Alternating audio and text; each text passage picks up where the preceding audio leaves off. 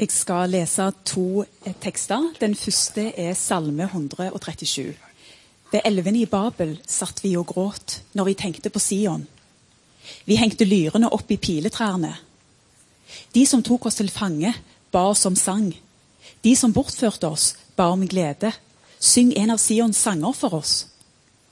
Hvordan kan vi synge Herrens sanger på fremmed jord? Glemmer jeg deg, Jerusalem, så la min høyre hånd bli glemt. La tungen klistre seg til ganen om jeg ikke tenker på deg, om jeg ikke setter Jerusalem høyere enn min største glede. Herre, husk Jerusalems dag, da Edoms sønner sa, riv ned, riv ned til grunnen. Du datter Babel, som har herjet, salig er den som gjengjelder det du gjorde mot oss. Salig er den som griper dine barn og knuser dem mot berget. Den neste teksten er henta fra Jeremia, kapittel 29, vers 1-11. Dette er ordene i brevet som profeten Jeremia sendte fra Jerusalem til de eldste som var igjen i eksil, til prestene, til profetene og til hele folket som Nebukadneser hadde ført i eksil fra Jerusalem til Babel. Det var etter at kong Jekonja hadde forlatt Jerusalem sammen med kongemoren, hoffmennene, lederne i Juda og Jerusalem, håndverkerne og smedene. Han sendte brevet med Elasa, sønn av Shafan, og Gemaria, sønn av Hilkia, som judakongen Sitkia sendte til babelkongen Nebukaneser i Babel. Så sier Herren over herskarene, Israels Gud, til alle som jeg har ført i eksil fra Jerusalem til Babel. Bygg dere hus og bo i dem. Plant dere hager og spis frukten. Ta dere koner og få sønner og døtre. Ta koner til sønnene og gift bort døtrene deres, så de kan få sønner og døtre. Der skal dere bli flere og ikke færre. Dere skal fremme fred for den byen som jeg har ført dere til i eksil, og be til Herren for den. For når den har fred, har også dere fred. Så sier Herren over herskarene, Israels Gud. La dere ikke narre av profetene og spåmennene som er hos dere, og hør ikke på drømmene dere drømmer, for de profeterer løgn for dere i mitt navn. Jeg har ikke sendt dem, sier Herren. Så sier Herren, når 70 år er gått for Babel, skal jeg se til dere. Da skal jeg oppfylle mitt gode løfte for dere og føre dere tilbake til dette stedet. For jeg vet hvilke tanker jeg har med dere, sier Herren. Fredstanker og ikke ulykkestanker. Jeg vil gi dere fremtid og håp. Slik lyder Herrens ord.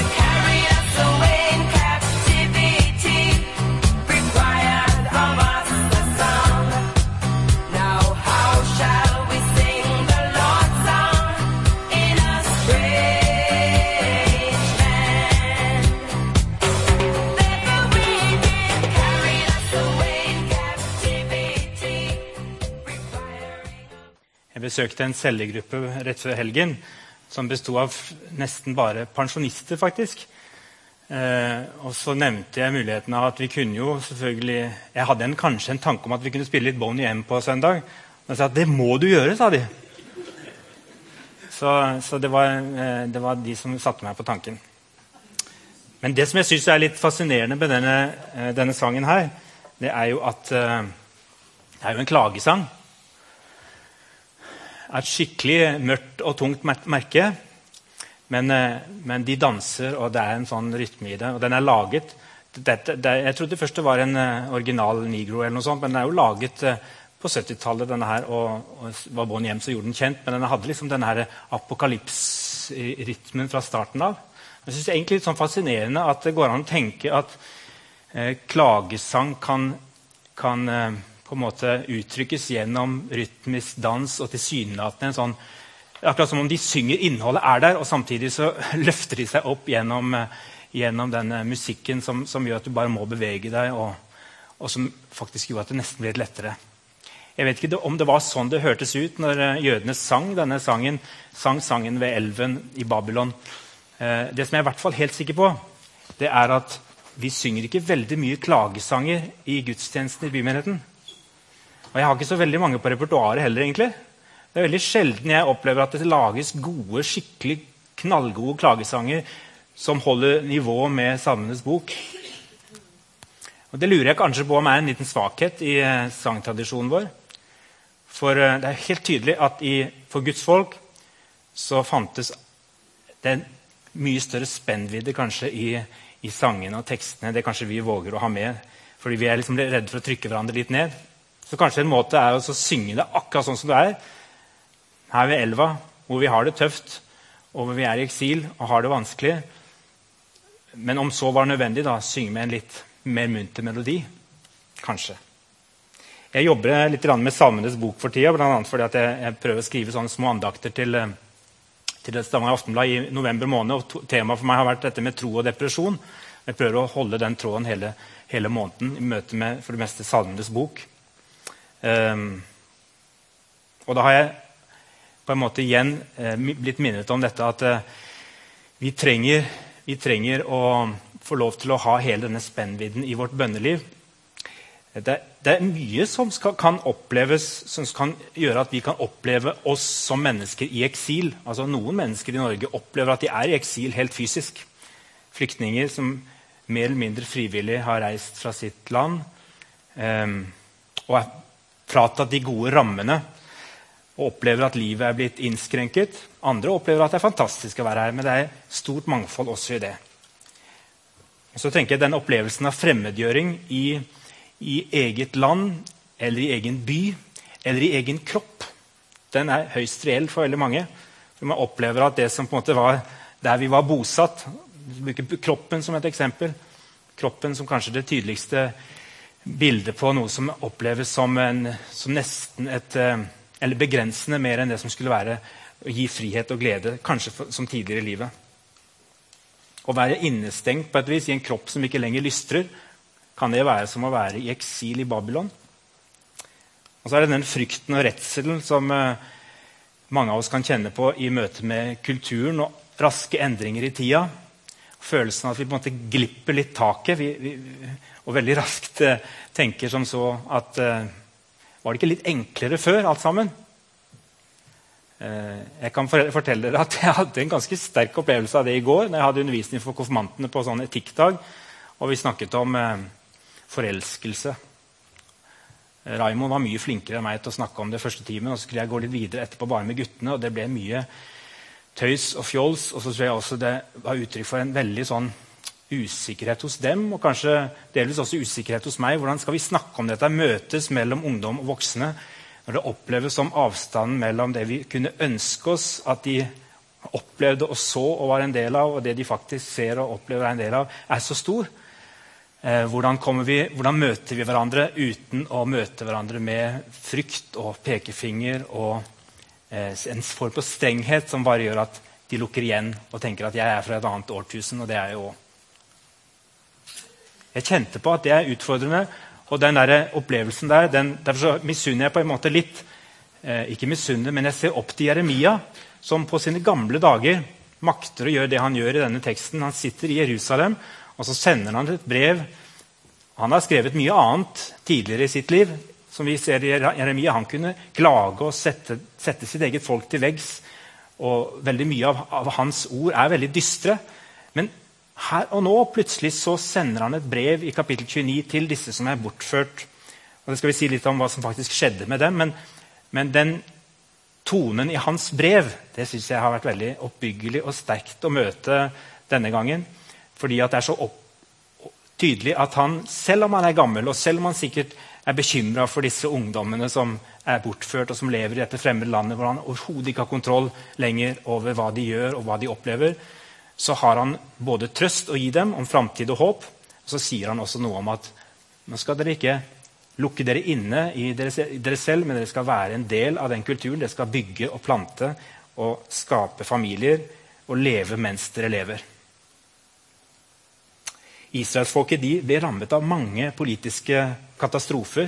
De kom på rekke og rad. Etter at riket ble delt eh, etter Salomo så bukket først Nordriket under for asyrerne, før Sørriket ble invadert av babylonerne i to omganger. Og Først så ble lederne i landet ført til Babylon. Blant dem var Daniel og vennene hans, som vi skal få høre mer om om to uker. Og Da besto byen, og andre gang så ble byen lagt helt i grus. Og en større del av folket ble deportert til Babylon. Og Der holdt de fast ved troen på Gud. Mange hadde fortsatt blikket og hjertet vendt mot Jerusalem i håp om at de skulle få vende tilbake. Så var det noen av de eldre som ble gjenværende i Jerusalem. Og Jeremia var en av dem. Kong Nebukaneser gjør hva han kan for at de unge som han har ført bort fra sitt hjemland, skal glemme sin jødiske identitet. Ikke bare flytter han dem til et annet land. Han gir dem nye matvaner. Han eh, gir dem opplæring i et nytt språk og nærmest ber dem om å glemme sitt gamle. Han gir dem nye navn, og det var en veldig symbolsk handling. Ehm, For navnene, De jødiske, hebraiske navnene var et veldig sterkt uttrykk for deres identitet. De betydde ofte noe, og nå ble det gitt nye navn. Abednego, husker dere Shadrach, disse navnene som Daniel og vennene hans fikk. Det kan høres ut som et eksil, sånn som de opplevde det, er bare deprimerende og håpløst. Men det er også en beskrivelse da, som jeg tenker kan egne seg ganske godt for å forklare nåtiden. Eller det setter i hvert fall i perspektiv disse ulike eksilopplevelsene og situasjonen som vi måtte ha. Jeg vet ikke om det er til trøst, men jeg kan garantere dere at eh, jødenes folk har alltid opplevd noe som er nesten hakket verre enn det vi opplever. kanskje. Og Det å speile seg i den store historien som vi er en del av, det kan være nyttig. For vår historie er også en del av jødenes historie. Eh, Gud han er suveren, hører vi her det Jeremia sier. Han har en plan for sitt folk. Eh, han ber dem om å bygge og plante og be om fred for den byen de bor i, mens de venter. Bygge familier. De brukte tida ganske godt, jødene. De finner tilbake til sine hebraiske røtter mens de er, lever i eksil i ulike epoker. Gammeltestamentet forteller hvordan åpenbart Gud brukte eksilet for å rense sitt folk, for sånn å reorientere dem tilbake til sin hensikt i verden. Eh, hvis, vi tror vi vet, hvis, hvis vi tror Gud vet hvor ting er på vei, så kan det hende at vi ikke trenger å ta på vei, så mye på vei med all vår bekymring over det landet som vi er en del av, kontinentet som vi er en del av. Men vi kan være trofaste mot Gud og kanskje lære av jødene hvordan eksilet også er et sted hvor vi lærer oss i større grad enn tidligere å stole på ham og ikke stole på oss selv og det vi eier, og all vår kunnskap og vitenskap og teknologi, men, men vende tilbake til eh, en høyere, større mening med livet som, som handler om våre røtter. Eh, og, og det er jo helt tydelig hvis vi følger jødene som etter 70 år etter at eh, Jesus eh, etter Kristus, så, så de jo, forlater de jo Israel eh, for mange hundre år.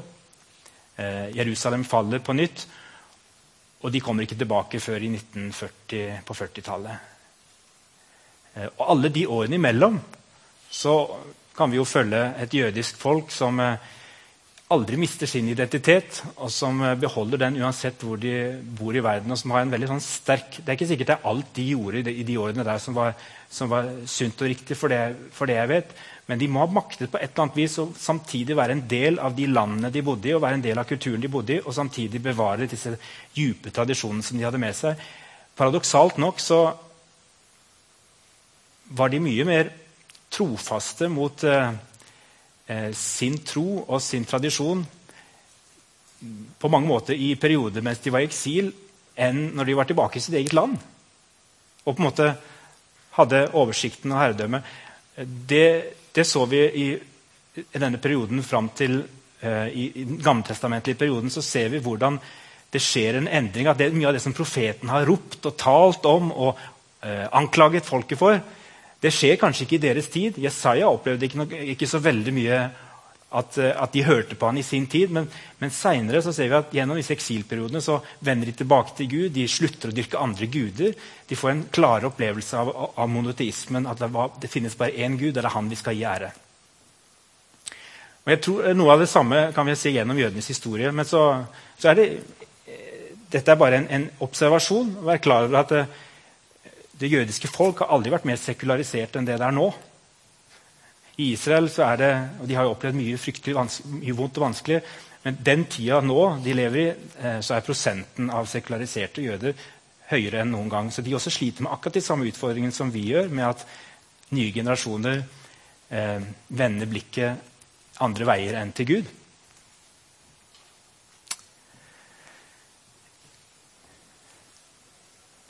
Det er ikke for å romantisere eksilet, på noen som helst måte, men det er for å si at noen ganger så er disse rammebetingelsene rundt oss også muligheter Gud gir oss for å søke ham. Jeremia han var også en profet og blant de gjenværende i Jerusalem. Han skrev et brev til sine landsmenn der han råder dem til å bygge hus, plante hager, spise frukten og etablere familie. Det handla om å ikke sette livet på vent til alle løftene var innfridd. Og Rådet det var å involvere seg i samfunnet og kulturen og bidra til fred der de bodde. Jeg tror det er en sånn tradisjonelle grøfte vi kristne ofte har gått i. og det er enten at eh, Vi tenker at livet det kommer først etter at vi dør. Så Virkelig livet er etter døden. Og nå, mens vi lever her, så må vi bare gjøre best mulig for oss selv og familien og de rundt oss og bygge tette murer rundt oss, så ikke vi blir besmittet av kulturen. ikke sant? Fordi det som skjer, det er det, er det som Gud venter for oss i framtida. Og så lever, levde mange kristne framovervendt. Og det var fint og det var flott, men veldig ofte så var det også en forunderlig passivitet i deres eget liv i det samfunnet de levde. Og så har du den andre ytterligheten, som kanskje tror jeg er et vel så stort problem i dag. Det er at man begynner å snakke som om det ikke er noe mer etterpå. Som om ikke det er et håp som sprenger grensene for dette livet. Og, og Det snakkes så mye om at livet det leves jo før vi dør, og ikke etterpå.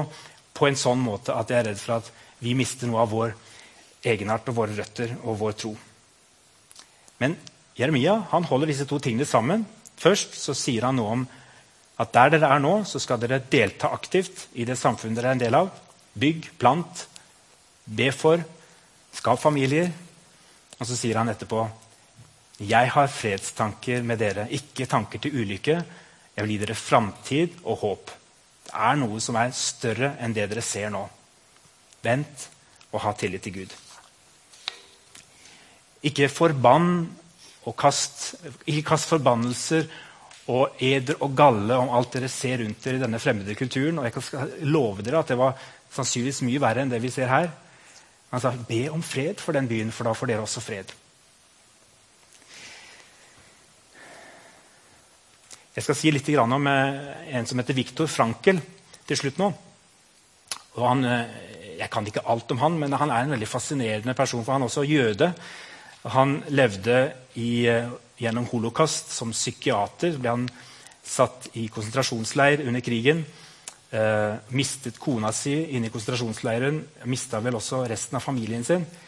Eh, og så kommer han og så utvikler han en form for livsterapi eller livstilnærming som har vært ganske opp, banebrytende seinere. Han er en av de som er veldig viktige i, innenfor eh, terapi. Og jeg er ikke noen ekspert på dette, men jeg har bare lyst til å si noe kort om hva var det han, han så. og det, det er noe med at vi, jeg, kan, jeg kan ikke med troverdighet si noe om hvordan vi skal leve hvis vi har det forferdelig tøft.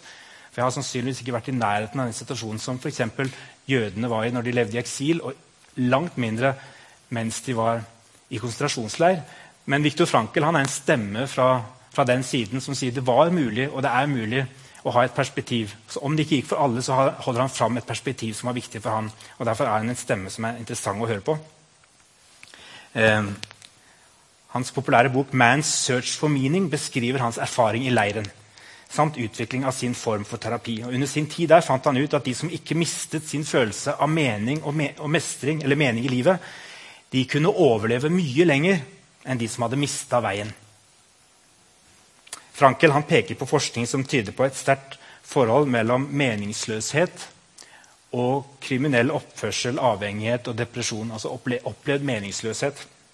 Han hevdet at i mangel av mening så fyller folket det, det, det eh, tomrommet med det som eh, var det som underholder, materialisme, hat, kjedsomhet. Litt sånn fritt oversatt fra engelsk, et sitat av han, så sier han det spiller ikke egentlig noen rolle hva vi venter oss av livet, men heller hva livet venter seg av oss. Vi må stoppe med å spørre om hva som er meningen med livet, og isteden tenke på at livet har en mening med oss, en hensikt med oss, hver dag, hver time. Svaret vårt må ikke fokusere for mye på snakk og meditasjon, men på handling og holdning. Gjøre de oppgaver som livet setter foran den enkelte. Så forteller han om en samtale med, med andre i konsentrasjonsleiren. Og Selv der så handla det om å snu, snu spørsmålene som de aller fleste hadde fra jeg har ingenting mer å vente av dette livet, det er over, til hva venter livet av deg i dag? Her og nå, mens du er her inne. Og så prøvde han å få de til å snakke om var det noen som trengte dem den dagen. Var det, var det noen arbeidsoppgaver de skulle gjøre, selv om de var håpløse, som de kunne fokusere på? Eh, og Han sjøl hadde også en gudstro og holdt fast på et eller annet håp som var større enn det han kunne se. og Det også gjorde at han tvang seg på en måte gjennom. Men han øvde seg også på hvordan han skulle lide og dø, for han visste at det sannsynligvis var det mest, eh, det som mest sannsynlig ville skje. Går det an å tenke over hvordan man skal lide og hvordan man skal dø? Jeg vet ikke om det er mulig. Men han er opptatt av det. Og så sier han at her og nå skal vi eh, møte verden og mulighetene med å leve for andre, for en mening, for en større mening enn oss selv. Og det kan tvinge oss vekk fra det som virker nedbrytende og ødeleggende. Han sa at det mennesket virkelig trenger, det er ikke et liv uten spenninger. Det kan vi av og til si til våre unge, kanskje. Men heller det å kjempe for et verdig mål. Hva mennesket trenger, er ikke at all motstand blir fjernet, men å bli bevisst kallet til en mening som venter på å bli fullført. Og Det er ganske andre tanker enn det vi ofte møter i sånn lettvint selvhjelpslitteratur, som veldig ofte handler om at det høyeste mål er å finne lykke. Og en lykke som ofte handler om at mine behov, min opplevelse av glede, blir tilfredsstilt gjennom, gjennom det jeg oppnår for meg selv. Frankel prøver å rette blikket oss, vårt mot noe annet. Og jeg tenker at uh, Han har en litt større troverdighet når han snakker om dette, enn jeg ville hatt. Uh, og Derfor så deler jeg hans tanker. Og til slutt så, så har jeg lyst til å si noe om hva vi som kristne har når vi møter den verden vi lever i. Jesus han, han har en tale som heter Bergpreiken, som er først og fremst til hans etterfølgere, til lærlingene hans. Til alle oss som tror på han. Eh, han sier noe om hva vi er. Han sier noe om at vi er lys, vi er salt. Men eh, det er helt tydelig at det som gjorde Jesus så attraktivt, attraktiv, det var at han, han faktisk gikk rundt og forandra mennesker. Det skjedde noe der Jesus gikk. Han ga dem et nytt liv. Han møtte ikke bare mennesker med et sånt eh, det er godt nok sånn som det er. Bare vær akkurat der du er. Ikke kjenn på at det skal bli noe annerledes. Vær der du er. Nei, Han møter det med et alternativt budskap om, om frigjøring, håp og et, en, en uh, frigjøring som også skulle gjelde her og nå i dette livet. Noe av det handlet om helbredelse. Mye annet handlet også om sosial frigjøring. Om en, en, uh, det å reise seg opp og ta aktivt del i livet rundt seg. De som ikke ønsket forandring, de trakk i liten grad til Jesus. Blant dem var sannsynligvis, eller Ofte så, så blir de presentert som fariseerne. Det var de som bare sto på avstand og stilte spørsmål. Og Kanskje var det fordi de hadde det ganske godt med seg sjøl. De var ganske tilfreds med livet, og de var kanskje bare litt bekymret for han her som kom inn og på en måte endret litt på spilleregler og på rammeverk. Men de trengte på en måte egentlig Jesus. De som søkte forandring i livet sitt, de trakk mot Jesus. De ble frigjort fra synd. De ble også frigjort fra andres synd som de hadde levd med, som, som lå over dem som, en, som et åk. Jeg vil sitere en som heter Oskar Skarsaune. Dåpen den er en dåp til syndenes forlatelse, til et helt liv i syndenes forlatelse. Og dette livet hører det, til det hører det å leve i den friheten som dermed er åpna for oss. Frihet til raust å dele det du har, med dem som har behov. Frihet til å avstå fra tvangen og trangen til hevn. Frihet til å gjengjelde ondt med godt. Frihet til å gi også der du vet at du ikke kan vente noen gjenytelse tilbake. Alt dette handler kanskje om noe av det samme som Frankel sier, handler om livets mening. Som skjenkes oss gjennom nåden og det nye livet Jesus Kristus. Kanskje noe som kan oppnås også selv om vi ytre sett lever et liv i eksil. Den friheten sier Skarsheim, den kan vi sjelden hente fra oss selv, men den er å finne når den gis av Jesus. Han ga selv det ultimate eksempelet da han ga sitt liv for oss. La det samme sinnelag være i dere, sier Paulus. Jeg gjentar, dette er ikke en betingelse for frelsen. sier han. Dette er frelsen. Dette er livet under nåden. Dette er nådens befriende evangelium. Ikke fortsett å holde dere nede under et åk som ikke holde dere nede under åk som jeg allerede har frigjort dere fra. Det er nok av vanskelige ting. Men jeg har satt dere fri, sier Jesus, til å leve frelsens budskap allerede her og nå. Og Det handler ikke om bare om meg og mitt liv, men det handler om de som er rundt meg, som jeg også skal få være med og sette fri. Det er ikke en betingelse for frelsen at jeg engasjerer meg i samfunnet. Men det er en naturlig del av frelsen som begynner allerede her nå og fortsetter inn i evigheten.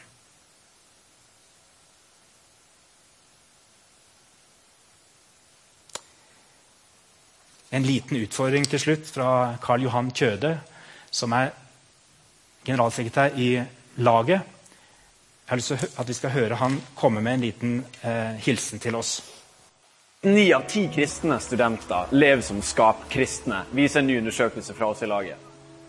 Det betyr at de skjuler troa si når de er på studiestedet blant vennene sine. Og det er jo et kjempeproblem, for nettopp i sentrum av troa deres så ligger hele poenget at den er gode nyheter for alle mennesker, ikke bare for deg. Så hva er årsaken til at vi har havna her, at 90% går rundt og skjuler troa si? Vel, jeg tror for det første det kan tyde på at en del faktisk ikke tror på evangeliet. Jeg tror for det andre det kan tyde på at en del tenker i relativismens ånd at evangeliet er kanskje gode nyheter for deg, men ikke nødvendigvis for andre. Jeg tror for det tredje at en del eh, mangler troverdige, gode forbilder som har vist deg hvordan evangeliet ser ut i praksis. Og jeg tror for det fjerde at mange er redd for hvordan de blir oppfatta i kulturen hvis de skulle bli identifisert som kristne. Og jeg tror som en femte utfordring så tror jeg at mange kjenner seg dønn alene. Og det er jo ikke rart. Hvis ni av ti kristne går rundt og gjemmer seg, så er det ikke så veldig mange andre å finne. Så hva kan vi gjøre for det åpenbart at vi må respondere på det her som kristne? Vel, jeg tror at det er uunngåelig at dere som menighet og vi som lagsbevegelse, som en del av samme Guds rike, jobber sammen og står sammen i våre ulike oppdrag. Vi som dere forlenga arm, og dere som det primære fellesskapet for kristne, hvor de kan høre evangeliet forkynt og tilhøre i gode og onde dager, og hvor de kan få lov til å bli disippelgjort. Så Derfor ønsker jeg å invitere dere til å bli partnermenighet med laget. Og gleder meg altså til å ta fatt på dette arbeidet, som jeg tror er verdens viktigste. Det handler om å være som Jeremia, som eh, sendte brev til de som var yngre og som levde i den kulturen, og sånn bygde bro over den avgrunnen som kanskje var der for han, og som er der ofte for oss. Jeg drømmer om denne generasjonsmenigheten der vi er litt i hver våre rom, men der vi også er bevisste på er en, at vi er en del av en større familie, at vi har ungdommer blant oss her. Skulle ønske å ha enda flere hver eneste gang og at vi møter dem også der de er. Vi ber sammen eh, en bønn som er tilkjent Frans av Assisi. Men den er nok fra begynnelsen av 1900-tallet. egentlig. Men eh, den bærer nå hans ånd, og derfor så har den blitt kalt Frans av Assisis bønn. og Den ber vi sammen, for den opplever hjelper oss litt inn i, eh, i bønnen rundt dette vi har snakka om.